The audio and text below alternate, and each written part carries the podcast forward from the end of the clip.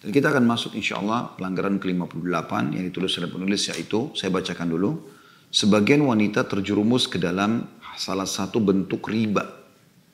Jadi kita akan membahas tentang masalah terjerumusnya para muslimah ke dalam riba. Yaitu contoh yang disebutkan salah satunya di sini dengan pergi ke penjual emas untuk menukar emasnya yang lama dengan emas yang baru. Jadi emas lamanya dia datang karena dia tidak sudah tidak suka modelnya lagi, ya, atau dia melihat ada model yang lebih bagus, maka dia ingin tukar emas itu dengan emas yang baru. Jadi saya ulangi, sebagian wanita terjerumus ke dalam salah satu bentuk riba, yaitu dengan pergi ke penjual emas untuk menukar emasnya yang lama dengan emas yang baru. Dan membayar selisih harga kepadanya secara langsung. Jadi bagi teman-teman yang pegang bukunya, di garis bawahi kalimat secara langsung. Jadi emas lama itu misalnya tanpa dia jual, dia langsung bilang ini emas lama saya, cincin, gelang, anting, apa saja kalung, saya ingin uh, tukar sama yang ini. Ya. Oke, okay, uh, kamu tambah 5 juta misalnya, seperti itu. Jadi emas ditukar sama emas langsung. Nah ini bentuk riba, ditukar secara langsung.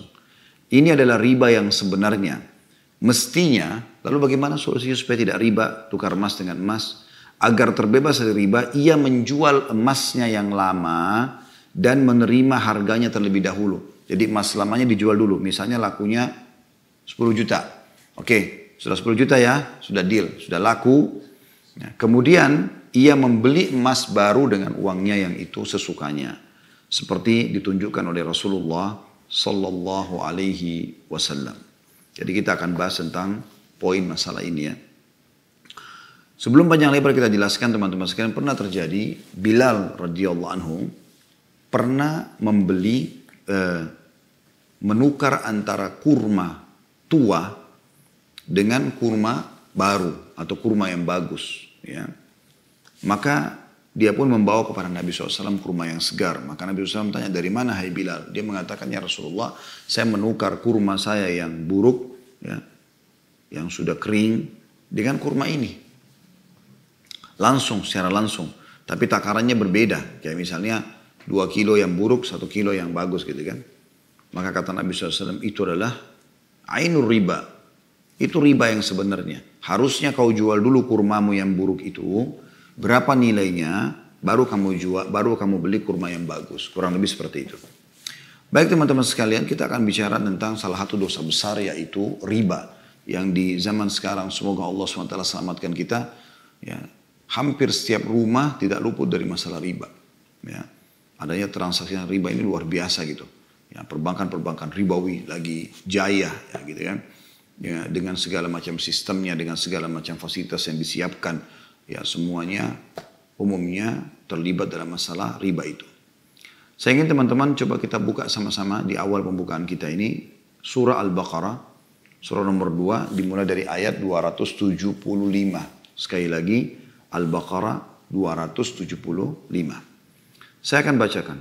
A'udzu billahi minasyaitonir rajim. الذين يأكلون الربا لا يقومون إلا كما يقوم الذي يتخبطه الشيطان من المس ذلك بأنهم قالوا إنما البيع مثل الربا وأحل الله البيع وحرم الربا ومن جاءه موئدة من ربه فانتهى فله ما سلف وأمره إلى الله ومن عاد فأولئك أصحاب النار هم فيها خالدون yang artinya orang-orang yang makan atau mengambil riba tidak dapat berdiri melainkan seperti berdirinya orang yang kemasukan syaitan lantaran tekanan penyakit gila. Bayangkan di sini ancaman Allah SWT. Orang-orang yang makan atau sengaja mengambil riba, terutama yang telah tegak padanya hujah atau telah sampai padanya informasi, tidak dapat berdiri melainkan seperti berdirinya orang yang kemasukan syaitan lantaran tekanan penyakit gila. Ya, kalau di zaman kita sekarang penyakit stres, Ya, mirip dengan orang gila. Terlilit utang sana sini. Bingung dengan bayar kartu kredit yang terus membengkak. Bingung dengan cicilan KPR. Ya, bingung dengan ini dan itu. Karena selalu riba dan riba. Bahkan ada orang subhanallah makanannya. ya Berasnya, gulanya, kopinya, tehnya, gelas yang dipakai, sendok, piring, baju, maaf pakaian dalam, ya Semua AC-nya, air yang dipakai di rumah, riba semua. Loh kok bisa Ustaz? Ya dibayar pakai kartu kredit. Gitu. Jadi bank bayarkan dulu dia. Maka ini bahaya sekali. Makan ke restoran sama anak istri, gesek kartu kredit. Kan ini jadi makan riba. Karena bank bayarkan dia. Ada kerjasama bank dengan tempat tersebut. Ya. Lalu dia makan ya. Maka ini harus hati-hati. Kebanyakan masalah rumah tangga terjadi rusak karena riba. Nakalnya anak-anak karena riba, karena pendapatan haram. Ini masuk dalam dosa besar ya. Ini Allah sudah bilang. Lanjutannya, keadaan mereka yang demikian itu adalah disebabkan mereka berkata atau berpendapat sesungguhnya jual beli itu sama dengan riba. Padahal Allah telah menghalalkan jual beli dan mengharamkan riba. Ya, nanti kita jelaskan banyak lebar apa itu riba, ya jenis-jenisnya segala macam insya Allah. Orang-orang yang telah sampai kepadanya larangan dari Tuhannya, oh, riba nggak boleh ini haram. Ya. Lalu dia berhenti atau terus berhenti dari mengambil riba, maka baginya apa yang telah diambilnya dahulu sebelum datang larangan. Jadi kalau Anda tidak tahu hukumnya, misalnya Anda sudah terlanjur KPR, Anda sudah terlanjur cicilan mobil, motor, Anda sudah terlanjur apalah pakai fasilitas bank riba, ya kemudian Anda belum tahu hukumnya nih. Sekarang baru tahu, oh ternyata hukumnya haram ya. Maka yang lalu-lalu bisa jadi halal. Tapi ingat syaratnya kalau Anda belum tahu hukumnya.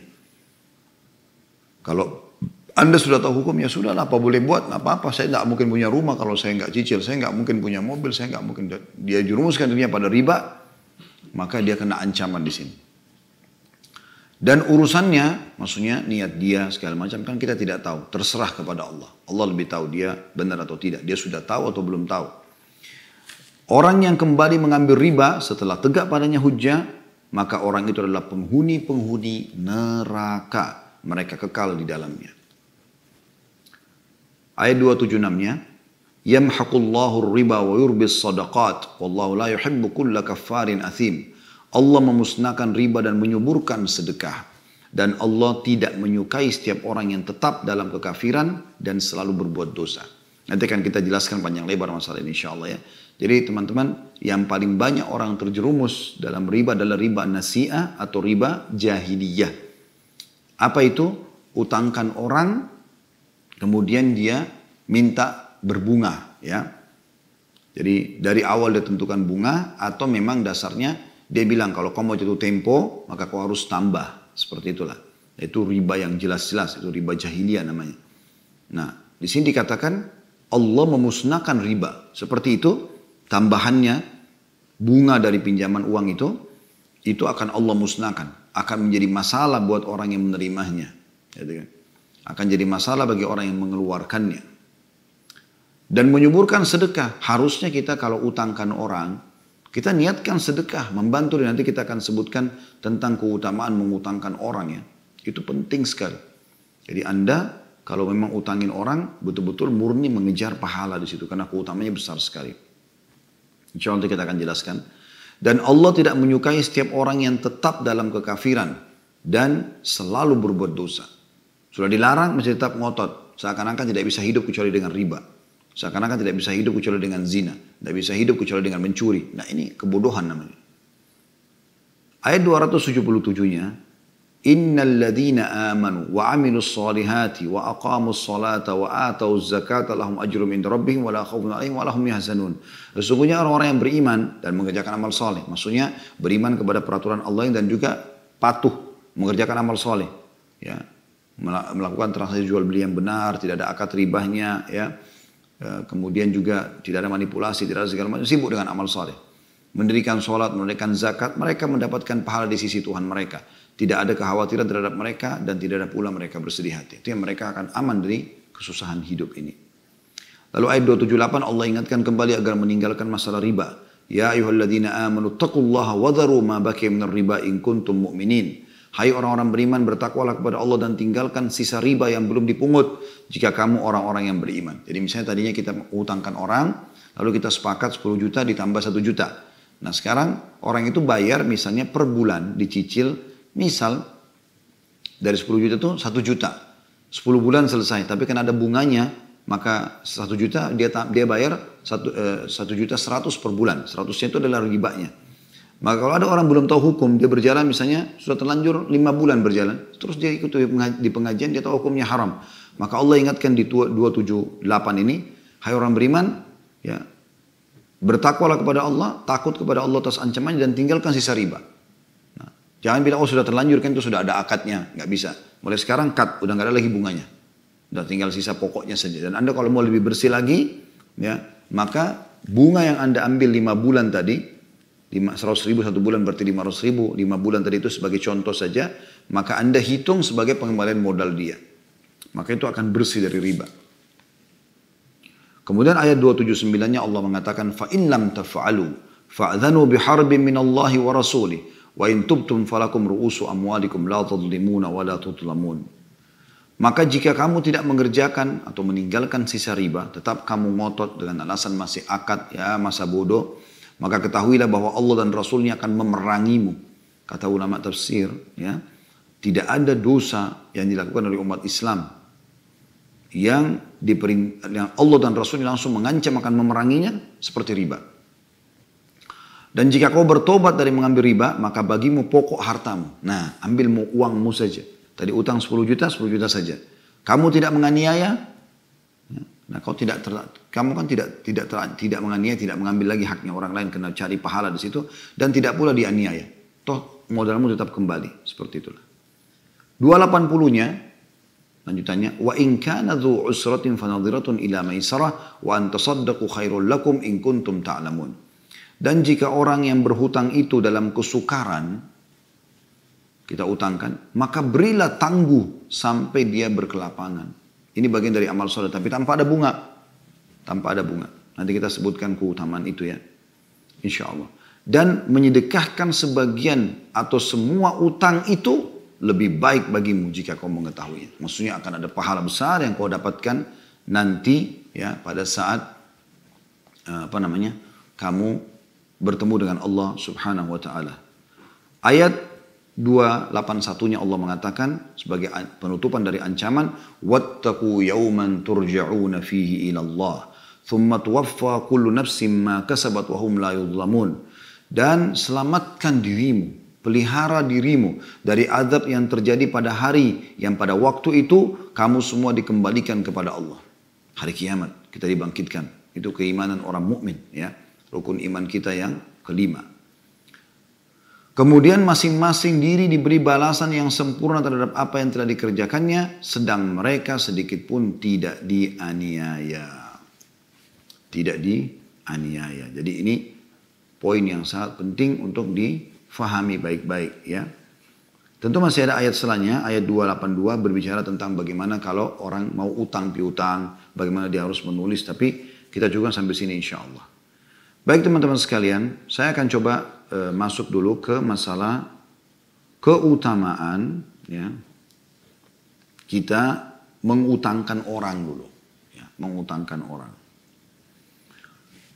E, yang pertama sekali kita renung hadis Nabi Wasallam. Karena kan riba ini masuk masalah utang piutang sebenarnya. Sebagaimana yang kita paparkan juga itu insya Allah.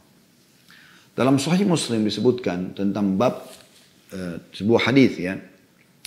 Abu Hurairah radhiyallahu berkata, berkata Rasulullah SAW bersabda, "Man naffas an mu'minin kurbatan min kurabid dunya, naffasallahu anhu kurbatan min kurabi yaumil qiyamah. Wa man yassara ala mu'sirin yassara Allahu alaihi fid dunya wal akhirah. Wa man satara musliman satarahu Allahu fid dunya wal akhirah. Wallahu fi auni al-'abdi ma kana al-'abdu fi auni akhihi." Barang siapa yang meringankan sebuah kesusahan kesedihan seorang mukmin di dunia, Allah akan meringankan kesusahannya pada hari kiamat. Orang utang, bukan malah kita tindas, dia, kesempatan kita ambil keuntungan, ya. Apa pun sifatnya, kita meringankan kesusahan dia, maka itu adalah sebuah ibadah. Allah akan hilangkan kesusahan kita pada hari kiamat, ya. Selanjutnya barang siapa yang memudahkan urusan seseorang yang dalam sulit, Allah akan memberinya kemudahan di dunia dan di akhirat. Ya, jadi subhanallah, Anda memudah urusan Anda, mudah segala apa transaksi Anda, maka mudahkan juga orang. Ya. Jangan persulit mereka, mereka lagi sulit, belum bisa bayar utang, ya udah kapan bisa silakan. Dan barang siapa yang menutupi aib seseorang maka Allah pun akan menutupi aibnya di dunia dan di akhirat. Kita tahu kekurangan orang, nasihati dia lalu kita tutupi. Jangan sebarkan, jangan diekspos. Kita pun akan ditutupi Allah SWT. Di dunia dan di akhirat. Ini hadis mulia sekali ya.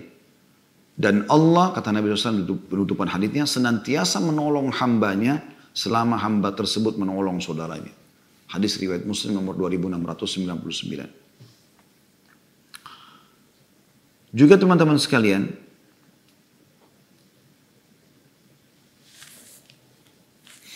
potongan memberi utang orang tanpa bunga ini diambil dari potongan hadis tadi adalah sabda Nabi SAW barang siapa yang memudahkan urusan seseorang yang dalam sulit Allah akan memberikan kemudahan di dunia dan di akhirat sebagaimana dijelaskan oleh Ibnu Qayyim rahimahullah dalam tuh, uh, oleh Al Mubarak Al Mubarak ya Al Mubarak Fur disebutkan dalam Tuhfadul Ahwadi ya.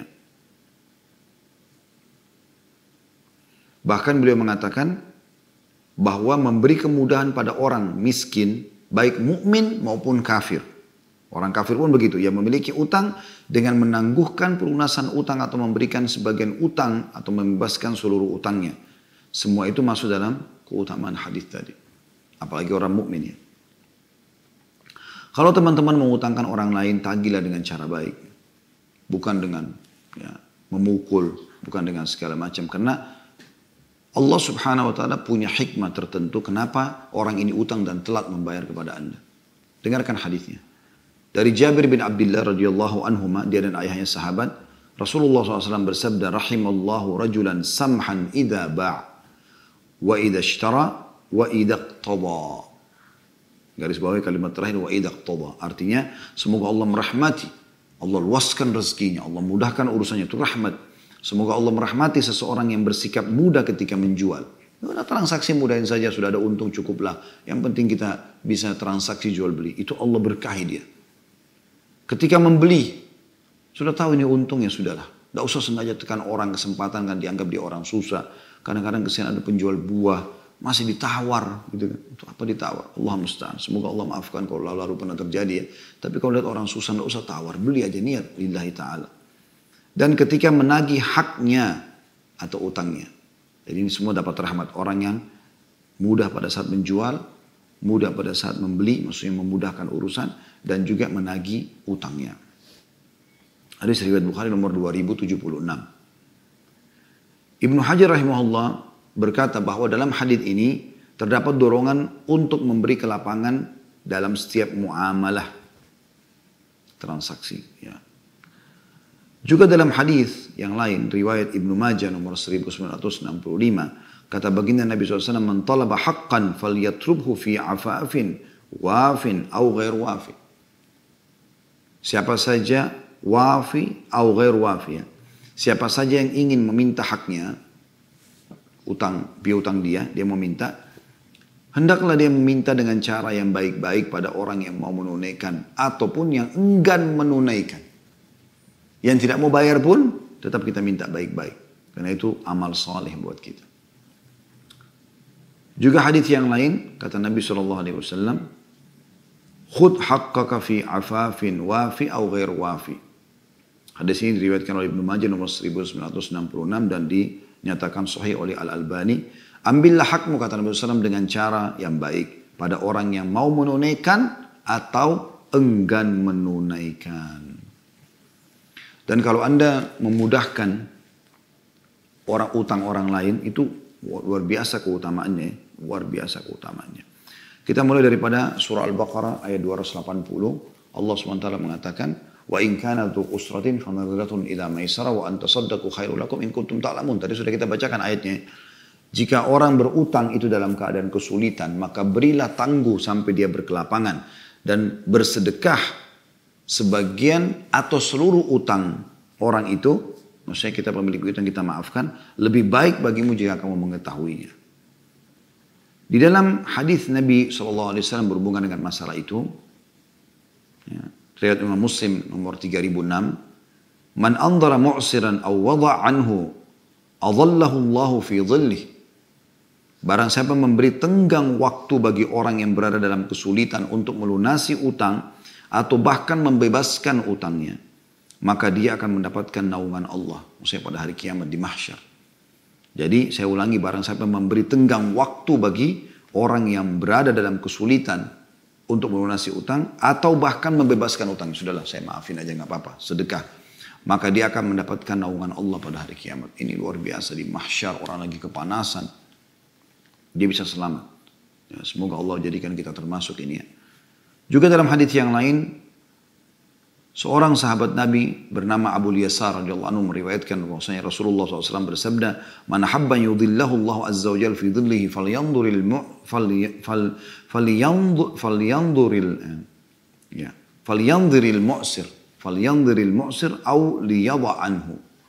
Barang siapa yang ingin mendapatkan naungan Allah yang maha suci dan maha tinggi, hendaklah dia memberi tenggang waktu bagi orang yang mendapat kesulitan untuk melunasi utang atau bahkan dia membebaskan utangnya tadi. Diriwayatkan oleh Imam Ahmad dan dinyatakan sahih oleh Syekh Shu'aib Al-Arnaud. Ya. Begitu juga teman-teman sekalian, di dalam hadis yang lain Rasulullah SAW bersabda, "Man nafasa an gharimihi au maha anhu kana fi dhillil arsy yaumil qiyamah. Barang siapa memberi keringanan pada orang yang berutang padanya atau bahkan membebaskan utangnya, maka dia akan mendapatkan naungan arsy di hari kiamat nanti. Ya. Tentu banyak sekali hadis ini, tapi saya akan cukupkan dengan uh, dua buah hadis. Ya. Sabda Nabi SAW, Man andara mu'siran falahu bikulli yawmin sadaqa qabla an yahilla ad-dain faida halad dain fa'andarahu kana lahu bikulli yawmin mithlahu sadaqah. Ini hadis luar biasa riwayat Ahmad, Abu Ya'la, Ibnu Majah, Tabarani, Al-Hakim, Al-Baihaqi dan Syekh Albani menyebutkan dalam silsilah hadis sahih nomor 86. Arti hadis ini sahih. Perhatikan kata Nabi SAW, barang siapa memberikan tenggang waktu pada orang yang berada dalam kesulitan. Utangnya. yaitu tempo belum bisa bayar. Maka setiap hari sebelum batas waktu pelunasan. Jadi mulai kita utangkan misalnya mulai tanggal 1 Juli kita utangkan. Dia akan bayar tanggal 31 Juli misalnya. Mulai 1 Juli, ya kata Nabi SAW, maka setiap hari sebelum batas waktu pelunasan dihitung ah, dia akan dapatkan nilai sedekah. Senilai uang itu. Misalnya 10 juta, ya berarti 10 juta kali 31 hari itu. Jika utangnya belum bisa dilunasi di saat jatuh tempo, lalu dia masih memberikan tenggang waktu setelah jatuh tempo, maka setiap hari Misalnya oke okay, dia belum bisa bayar bulan Juli, nanti sampai Agustus aja. Maka setiap harinya dia akan dinilai setelah bersedekah dua kali lipat dari piutangnya itu. Jadi seperti 20 juta per hari. Ini kan luar biasa gitu. Ya, ini luar biasa. Jadi uh, kita harus teman-teman sekalian memperhatikan masalah-masalah seperti ini ya. Nah, ini luar biasa keutamaannya. Begitu juga dengan hadis yang terakhir dalam masalah utang ini, maaf, cukup panjang saya jelaskan karena memang bisa ada ada istifadah kita ambil insya Allah karena mengutangkan orang ini yang paling banyak orang terjerumus dalam riba ya. Dikatakan dalam sebuah hadis Bukhari karena tajiran ya. yudayun nas wa idza ra'a al-mu'siran qala li fityanihi tajawazu anhu la'alla Allah yutajawaz anhu fatajawaza Allahu anhu. Dulu ada orang seorang pedagang, dulu ada seorang pedagang kata Nabi SAW, dia suka memberikan pinjaman kepada orang-orang. Suka sekali memberikan pinjaman kepada orang-orang. Kemudian dia bilang pada orang-orang yang pegawainya dia akan menagih, kalau seandainya kau melihat orang yang sedang kau tagih dalam kesulitan, maka maafkanlah saja. Artinya anggap utangnya lunas gitu kan. Semoga Allah mengampuni kesalahan-kesalahan kita hari kiamat. Maka Allah pun membersihkan dosa-dosanya. Seperti itu. Ya, itu luar biasa gitu. Jadi di sini teman-teman sekalian kita harus garis bawahi tentang masalah keutamaan itu. Baik, mungkin Anda bertanya, Ustaz, kenapa panjang lebar bahas masalah utang? Kita kan sedang membahas masalah riba. Akan kita jelaskan teman-teman. Baik, saya akan masuk ya ke masalah riba dan inti bahasan kita. Teman-teman sekalian ada hadis Nabi alaihi salatu wassalam yang berbunyi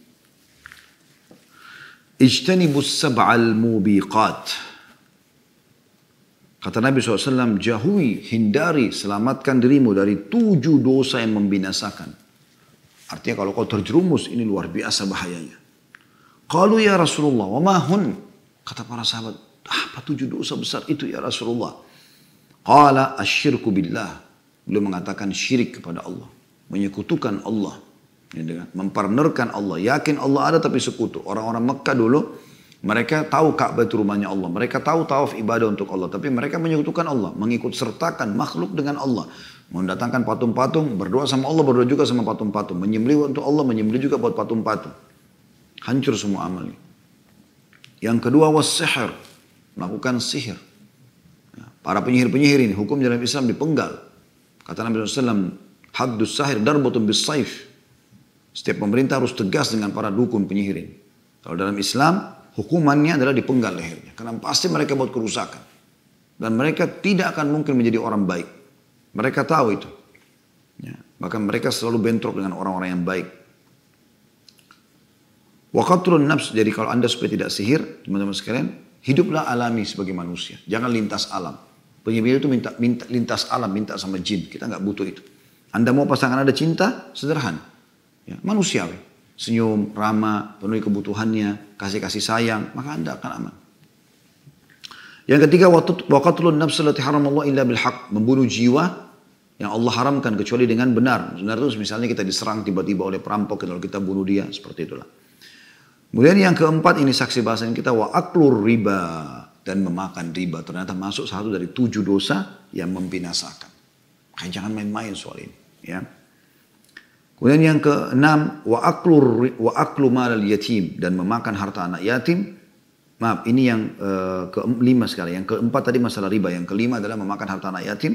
Dan anak yatim adalah anak uh, yang belum balik ya, yang orang tuanya meninggal lalu ada banyak warisannya, maka Anda memakan atau Anda mengurus yayasan yatim lalu Anda memakan uh, sumbangan. Ini semua masuk dalamnya.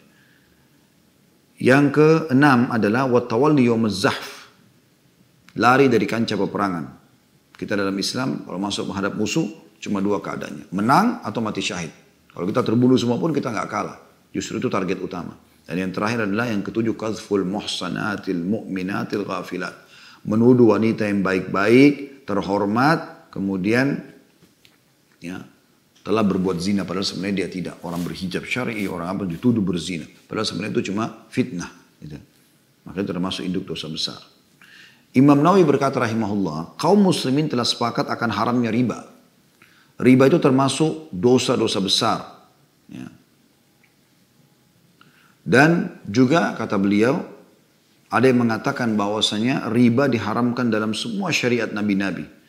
Di antara yang menyatakan adalah Al-Mawardi. Diambil dari Al-Majmu' Syarhul Muhadzab, jilid 9, halaman 391. Syekh Islam Ibn Taimiyah rahimahullah juga mengatakan melakukan riba hukumnya haram berdasarkan Al-Quran, As-Sunnah dan Ijma' diambil dari Majmu' Fatawa jadi 29 halaman 391. Baik, supaya lebih jelas teman-teman coba kita uh, lebih dalam membahas tentang masalah macam dan ragam riba. Riba itu sendiri ya ada dua macam ya. Yang pertama adalah riba an-nasi'ah. Tadi saya sempat sebutkan singgung sedikit adalah riba mengakhirkan tempo utang. Yaitu tambahan nilai utang sebagai imbalan dari tempo yang diundurkan. Dinamakan riba an-nasi'ah atau mengakhirkan karena tambahan ini sebagai imbalan dari tempo utang yang diundurkan. Utang tersebut bisa karena penjualan barang atau utang uang secara langsung, cash. Jadi kalau dari awal Anda mengatakan misalnya saya akan utangkan kamu 10 juta tapi dengan syarat kamu kembalikan 11 juta masuk dalam masalah ini. Atau Anda pinjamkan 10 juta dan Anda bilang, kalau kau bayar on time tetap begitu saja.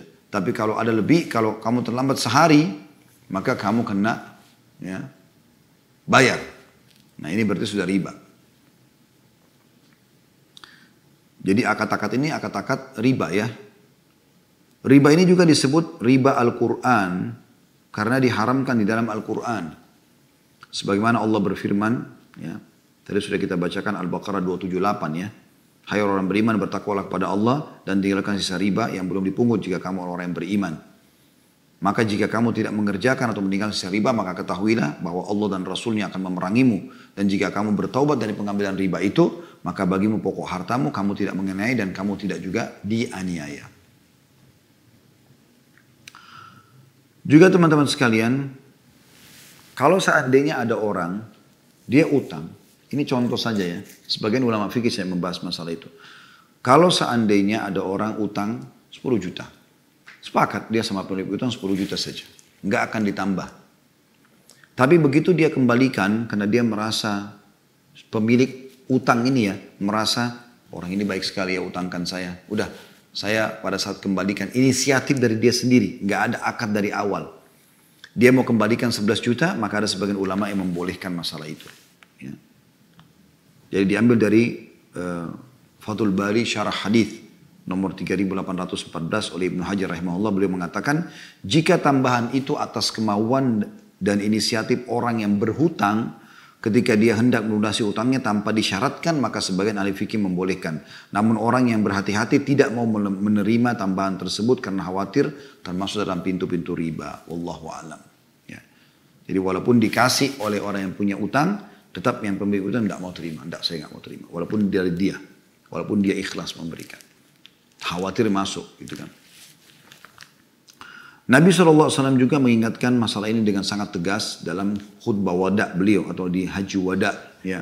Haji perpisahan Nabi SAW dan beliau menekankan sekali tentang masalah riba nasiah atau mengakhirkan ini atau riba jahiliyah dinamakan jahiliyah juga karena memang orang-orang jahiliyah melakukan itu ya juga dinamakan riba jali atau riba yang nyata ini semua sama sebenarnya satu ya Sebagaimana dikatakan oleh Ibnu Qayyim rahimahullah dalam kitab I'lamul Muwakkil ya. Maaf, Muwakkiin. A'lamul Muwakkiin di sini ya. Jadi dua halaman 154.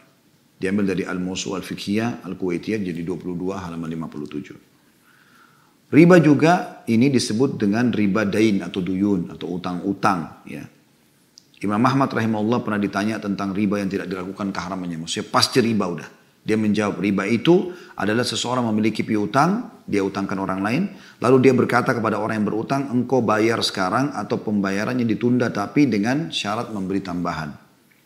Jika dia tidak membayar, maka orang yang berutang memberikan tambahan harta saat pembayaran dan pemilik piutang memberikan tempo atau tambahan tempo. Kurang lebih seperti itu, ya. Kata Ibnu Arabi Al-Maliki rahimahullah, orang-orang jahiliyah dahulu biasa berniaga dan melakukan riba. Riba di kalangan mereka telah terkenal, yaitu seseorang menjual kepada orang lain dengan utang, beli barang ya, dengan cara utang. Jika waktu pembayaran telah tiba, orang yang memberi utang tersebut berkata, engkau membayar atau memberi tambahan atau riba. Yaitu engkau memberikan tambahan hartaku dan aku bersabar dengan waktu yang lain maka Allah Azza wa mengharamkan riba yaitu tambahan di dalam utang seperti di atas. Diambil dari kitab Ahkamul Quran jilid 1 halaman 241 yang ditulis atau karya Ibnu Arabi. Yang kedua teman-teman sekalian adalah riba al-fadl.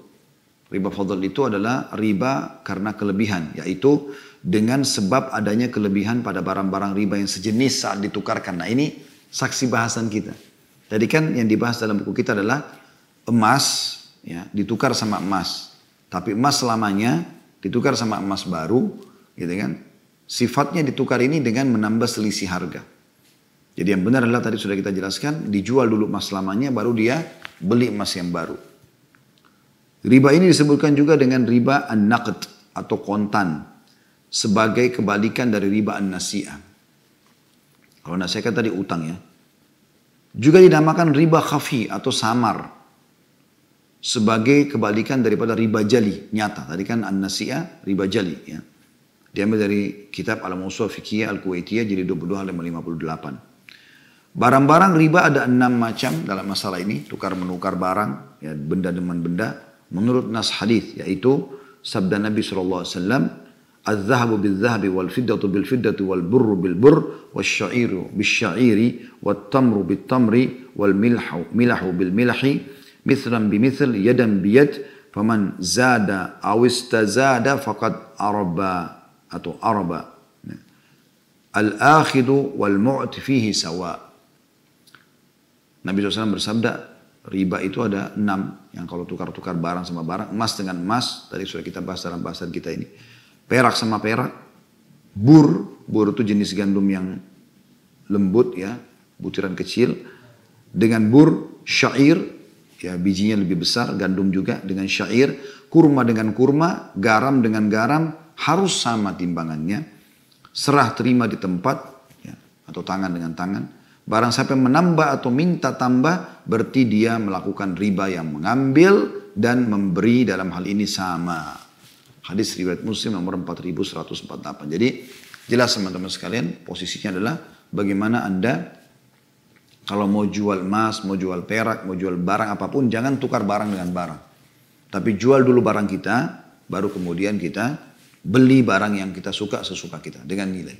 Seperti itulah.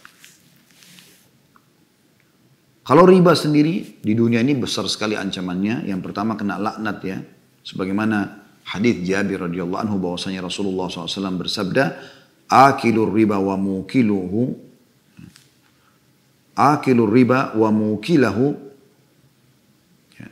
akil riba wa mukilahu wa katibahu wa syahidaihi wa qala hum sawa dari Jabir radhiyallahu anhu bahwasanya dia berkata Rasulullah SAW bersab, uh, Rasulullah SAW melaknat pemakan riba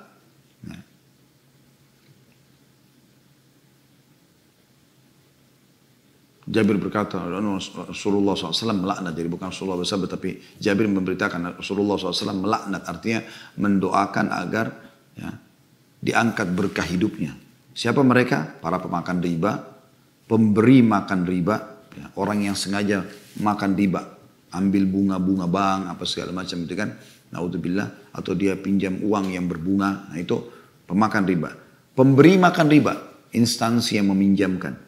Penulisnya, pegawai-pegawainya dan dua saksinya. Ya. Dan beliau SAW bersabda mereka itu semua sama. Hadis riwayat Muslim nomor 4177 artinya kena laknat. Yang kedua diancam perang oleh Allah dan Rasul yang sudah kita bacakan tadi ya. Al-Baqarah 278, 279. Saya tidak ulangi lagi. Itu ancaman di dunia. Ya. Ancaman di akhirat bangkit dari kubur ya, dalam kondisi yang tentu yang tidak diharapkan ya sebagaimana hadis yang masyhur dari Auf bin Malik radhiyallahu anhu qala qala Rasulullah sallallahu alaihi wasallam ya iyaya wadh-dhunub allati la tukfar al-gulul. Faman ghalla syai'an ata bihi yaumal qiyamah wa akilur riba. Faman akala riba bu'itha yaumal qiyamati majnunan yatakhabbat. Thumma qara alladhina yakulun riba la yakumuna illa kama yakumul ladhi yakhabbattu syaitanu minal mas. Dari Auf bin Malik dia berkata radhiyallahu anhu Rasulullah SAW bersabda jauhilah dosa-dosa yang tidak terampuni di antaranya adalah gulul atau mengambil harta rampasan perang sebelum dibagi. Khianat, korupsi. Ini semua tidak diampuni. Kalau dia meninggal, bahaya, dihukum oleh Allah SWT. Udah sempat bertobat di dunia, Alhamdulillah. Tapi kalau tidak di akhirat dihukum. Baru masuk surga gitu kan, kalau dia pun muslim. Barang siapa yang melakukan gulul, mengambil harta korupsi yang bukan haknya ya. Kalau di sini disebutkan dulu harta rampasan perang ya. Jadi kalau kalau kita medan, di medan perang menang, maka apa yang merupakan senjata, barang-barang yang musuh itu kan jadi harta rampasan perang namanya ghanimah. Nah itu tidak boleh diambil langsung. Harus dikasih kepada panglima perang, panglima perang nanti atur baru kemudian dibagi. Siapa yang ambil sebelum pembagian maka namanya gulul. Maksud dalam sini adalah korupsi, yang mengambil yang bukan haknya di kantor segala macam di zaman kita. Barang siapa yang melakukan gulul terhadap suatu barang, maka dia akan membawanya pada hari kiamat. Barang-barang yang dia curi itu, dia tipu akan diambil. Dan pemakan riba, ini yang kedua, selain gulul. Ini bahasan kita. Barang siapa yang memakan riba akan dibangkitkan pada hari kiamat dalam keadaan gila. Berjalan sempoyongan. Ya, gak jelas. Kemudian beliau SAW membaca firman Allah SWT, orang-orang yang memakan riba, tidak dapat berdiri melainkan seperti orang berdiri yang kerasukan syaitan lantaran penyakit gila. Ya. Ini Al-Baqarah jilid dua, uh, surah nomor 2 ayat 275 sudah kita jelaskan tadi ya. Dan juga ini hadis ini semuanya tadi yang panjang ini diriwayatkan oleh Tabaran dalam Mu'jamul Kabir nomor 14537, Al-Khatib juga dalam At-Tarikh dan dihasankan oleh Syekh Al-Bani dalam silsilah hadis sahihah nomor 300 atau 3313 dan juga Al-Mundhir disebutkan dalam Sahih uh, dalam Targhib Tarhib dan ditekankan Al-Bani dalam Sahih At-Targhib Tarhib nomor 1862. Juga dia akan diberenangkan di akhirat, ya. bisa di kuburan, di alam barzah, ya. di sungai darah. Disebutkan dalam sebuah hadis ya, dari Samura atau Samura bin Jundub, Samura Samurata bin Jundub radhiyallahu anhu. قال قال النبي صلى الله عليه وسلم رأيت الليلة رجلين أتاياني فأخرجاني إلى أرض المقدس فانطلقنا حتى أتينا على نهر من دم فيه رجل قائم وعلى وسط النهر رجل بين يديه حجارة. فأقبل الرجل الذي في النهر فإذا أراد الرجل أن يخرج رمى الرجل بحجر في فيه فرده حيث كان فجعل كلما جاء ليخرج رمى في فيه بحجر فيرجع كما كان. Fakultu ma هذا؟ Faqala alladhi ra'aitahu في nahri akilur riba. Dari Samura bin Jundub radhiyallahu beliau berkata, bahwasanya Nabi SAW bersabda, tadi malam aku bermimpi ada dua orang laki-laki mendatangi mendatangiku, maksudnya malaikat ya. Keduanya membawaku ke kota yang disucikan. Ya. Kami berangkat sehingga kami mendatangi sungai darah. Ya. Maksudnya ini kisah tentang Isra Miraj ya. Beliau diberangkatkan ke Betul Maqdis Kemudian diperlihatkan kepada Nabi SAW, sungai penuh dengan darah. Di dalam sungai itu ada seorang laki-laki yang berdiri dan di pinggir sungai ada seorang laki-laki yang di depannya terdapat batu-batu. Jadi ada orang yang lagi tenggelam di sungai darah, ada yang berdiri di pinggir sungai tersebut. Laki-laki yang di sungai itu mendekat, berenang dia mendekat ke orang yang ada di pinggir sungai. Jika dia hendak keluar pas mau naik dari sungai, laki-laki yang di pinggir sungai itu melemparkan batu ke dalam mulutnya atau menghantamkan ke dalam mulutnya sehingga dia kembali ke tempat semula, jatuh lagi ke sungai darah. Setiap laki-laki yang di sungai itu datang hendak keluar dari sungai, laki-laki yang di pinggir sungai itu melempar batu ke mulutnya atau menghantamkan sehingga dia kembali ke tempat semula. Lalu aku bertanya kata Nabi SAW kepada dua malaikat tadi, apa ini? Siapa orang ini? Siksaan apa ini? Maka mereka menjawab orang yang engkau lihat itu dalam sungai adalah pemakan riba. Hadis riwayat Bukhari. Naudzubillah. Semoga Allah selamatkan kita. Juga yang ketiga diancamkan neraka. Sesuai dengan firman Allah Subhanahu wa taala, "Faman ja'ahu mau'izatun min rabbi fantaha falahu ma salafa amru ila Allah wa man 'ada fa ulaika ashabun nar hum fiha khalidun." Sudah kita bacakan tadi Al-Baqarah surah nomor 2 ayat 275. Orang-orang yang telah kembali atau telah sampai padanya larangan dari Robnya, riba, lalu dia berhenti mengambil riba, maka baginya apa yang telah diambil dulu. Kalau dia tidak tahu tadi ya, saya sudah bilang, dia tidak tahu kalau ini riba, dia sudah KPR, apa segala macam. Maka baginya halal yang lalu-lalu. Kalau sudah tahu nggak boleh, gitu kan? Maka baginya yang telah diambil dahulu sebelum datang larangan, sebelum sampai kepada ibu dan urusannya terserah kepada Allah. Dia benar atau tidak itu urusan kepada Allah. Orang yang kembali mengambil riba setelah sampai padanya penyampaian, kayak anda sekarang sudah ikuti pengajian kita, maka orang ini adalah penghuni-penghuni neraka, mereka akan kekal di dalamnya kalau mereka tidak taubat. Allah musta'an. Semoga Allah SWT selamatkan kita dari masalah riba ini.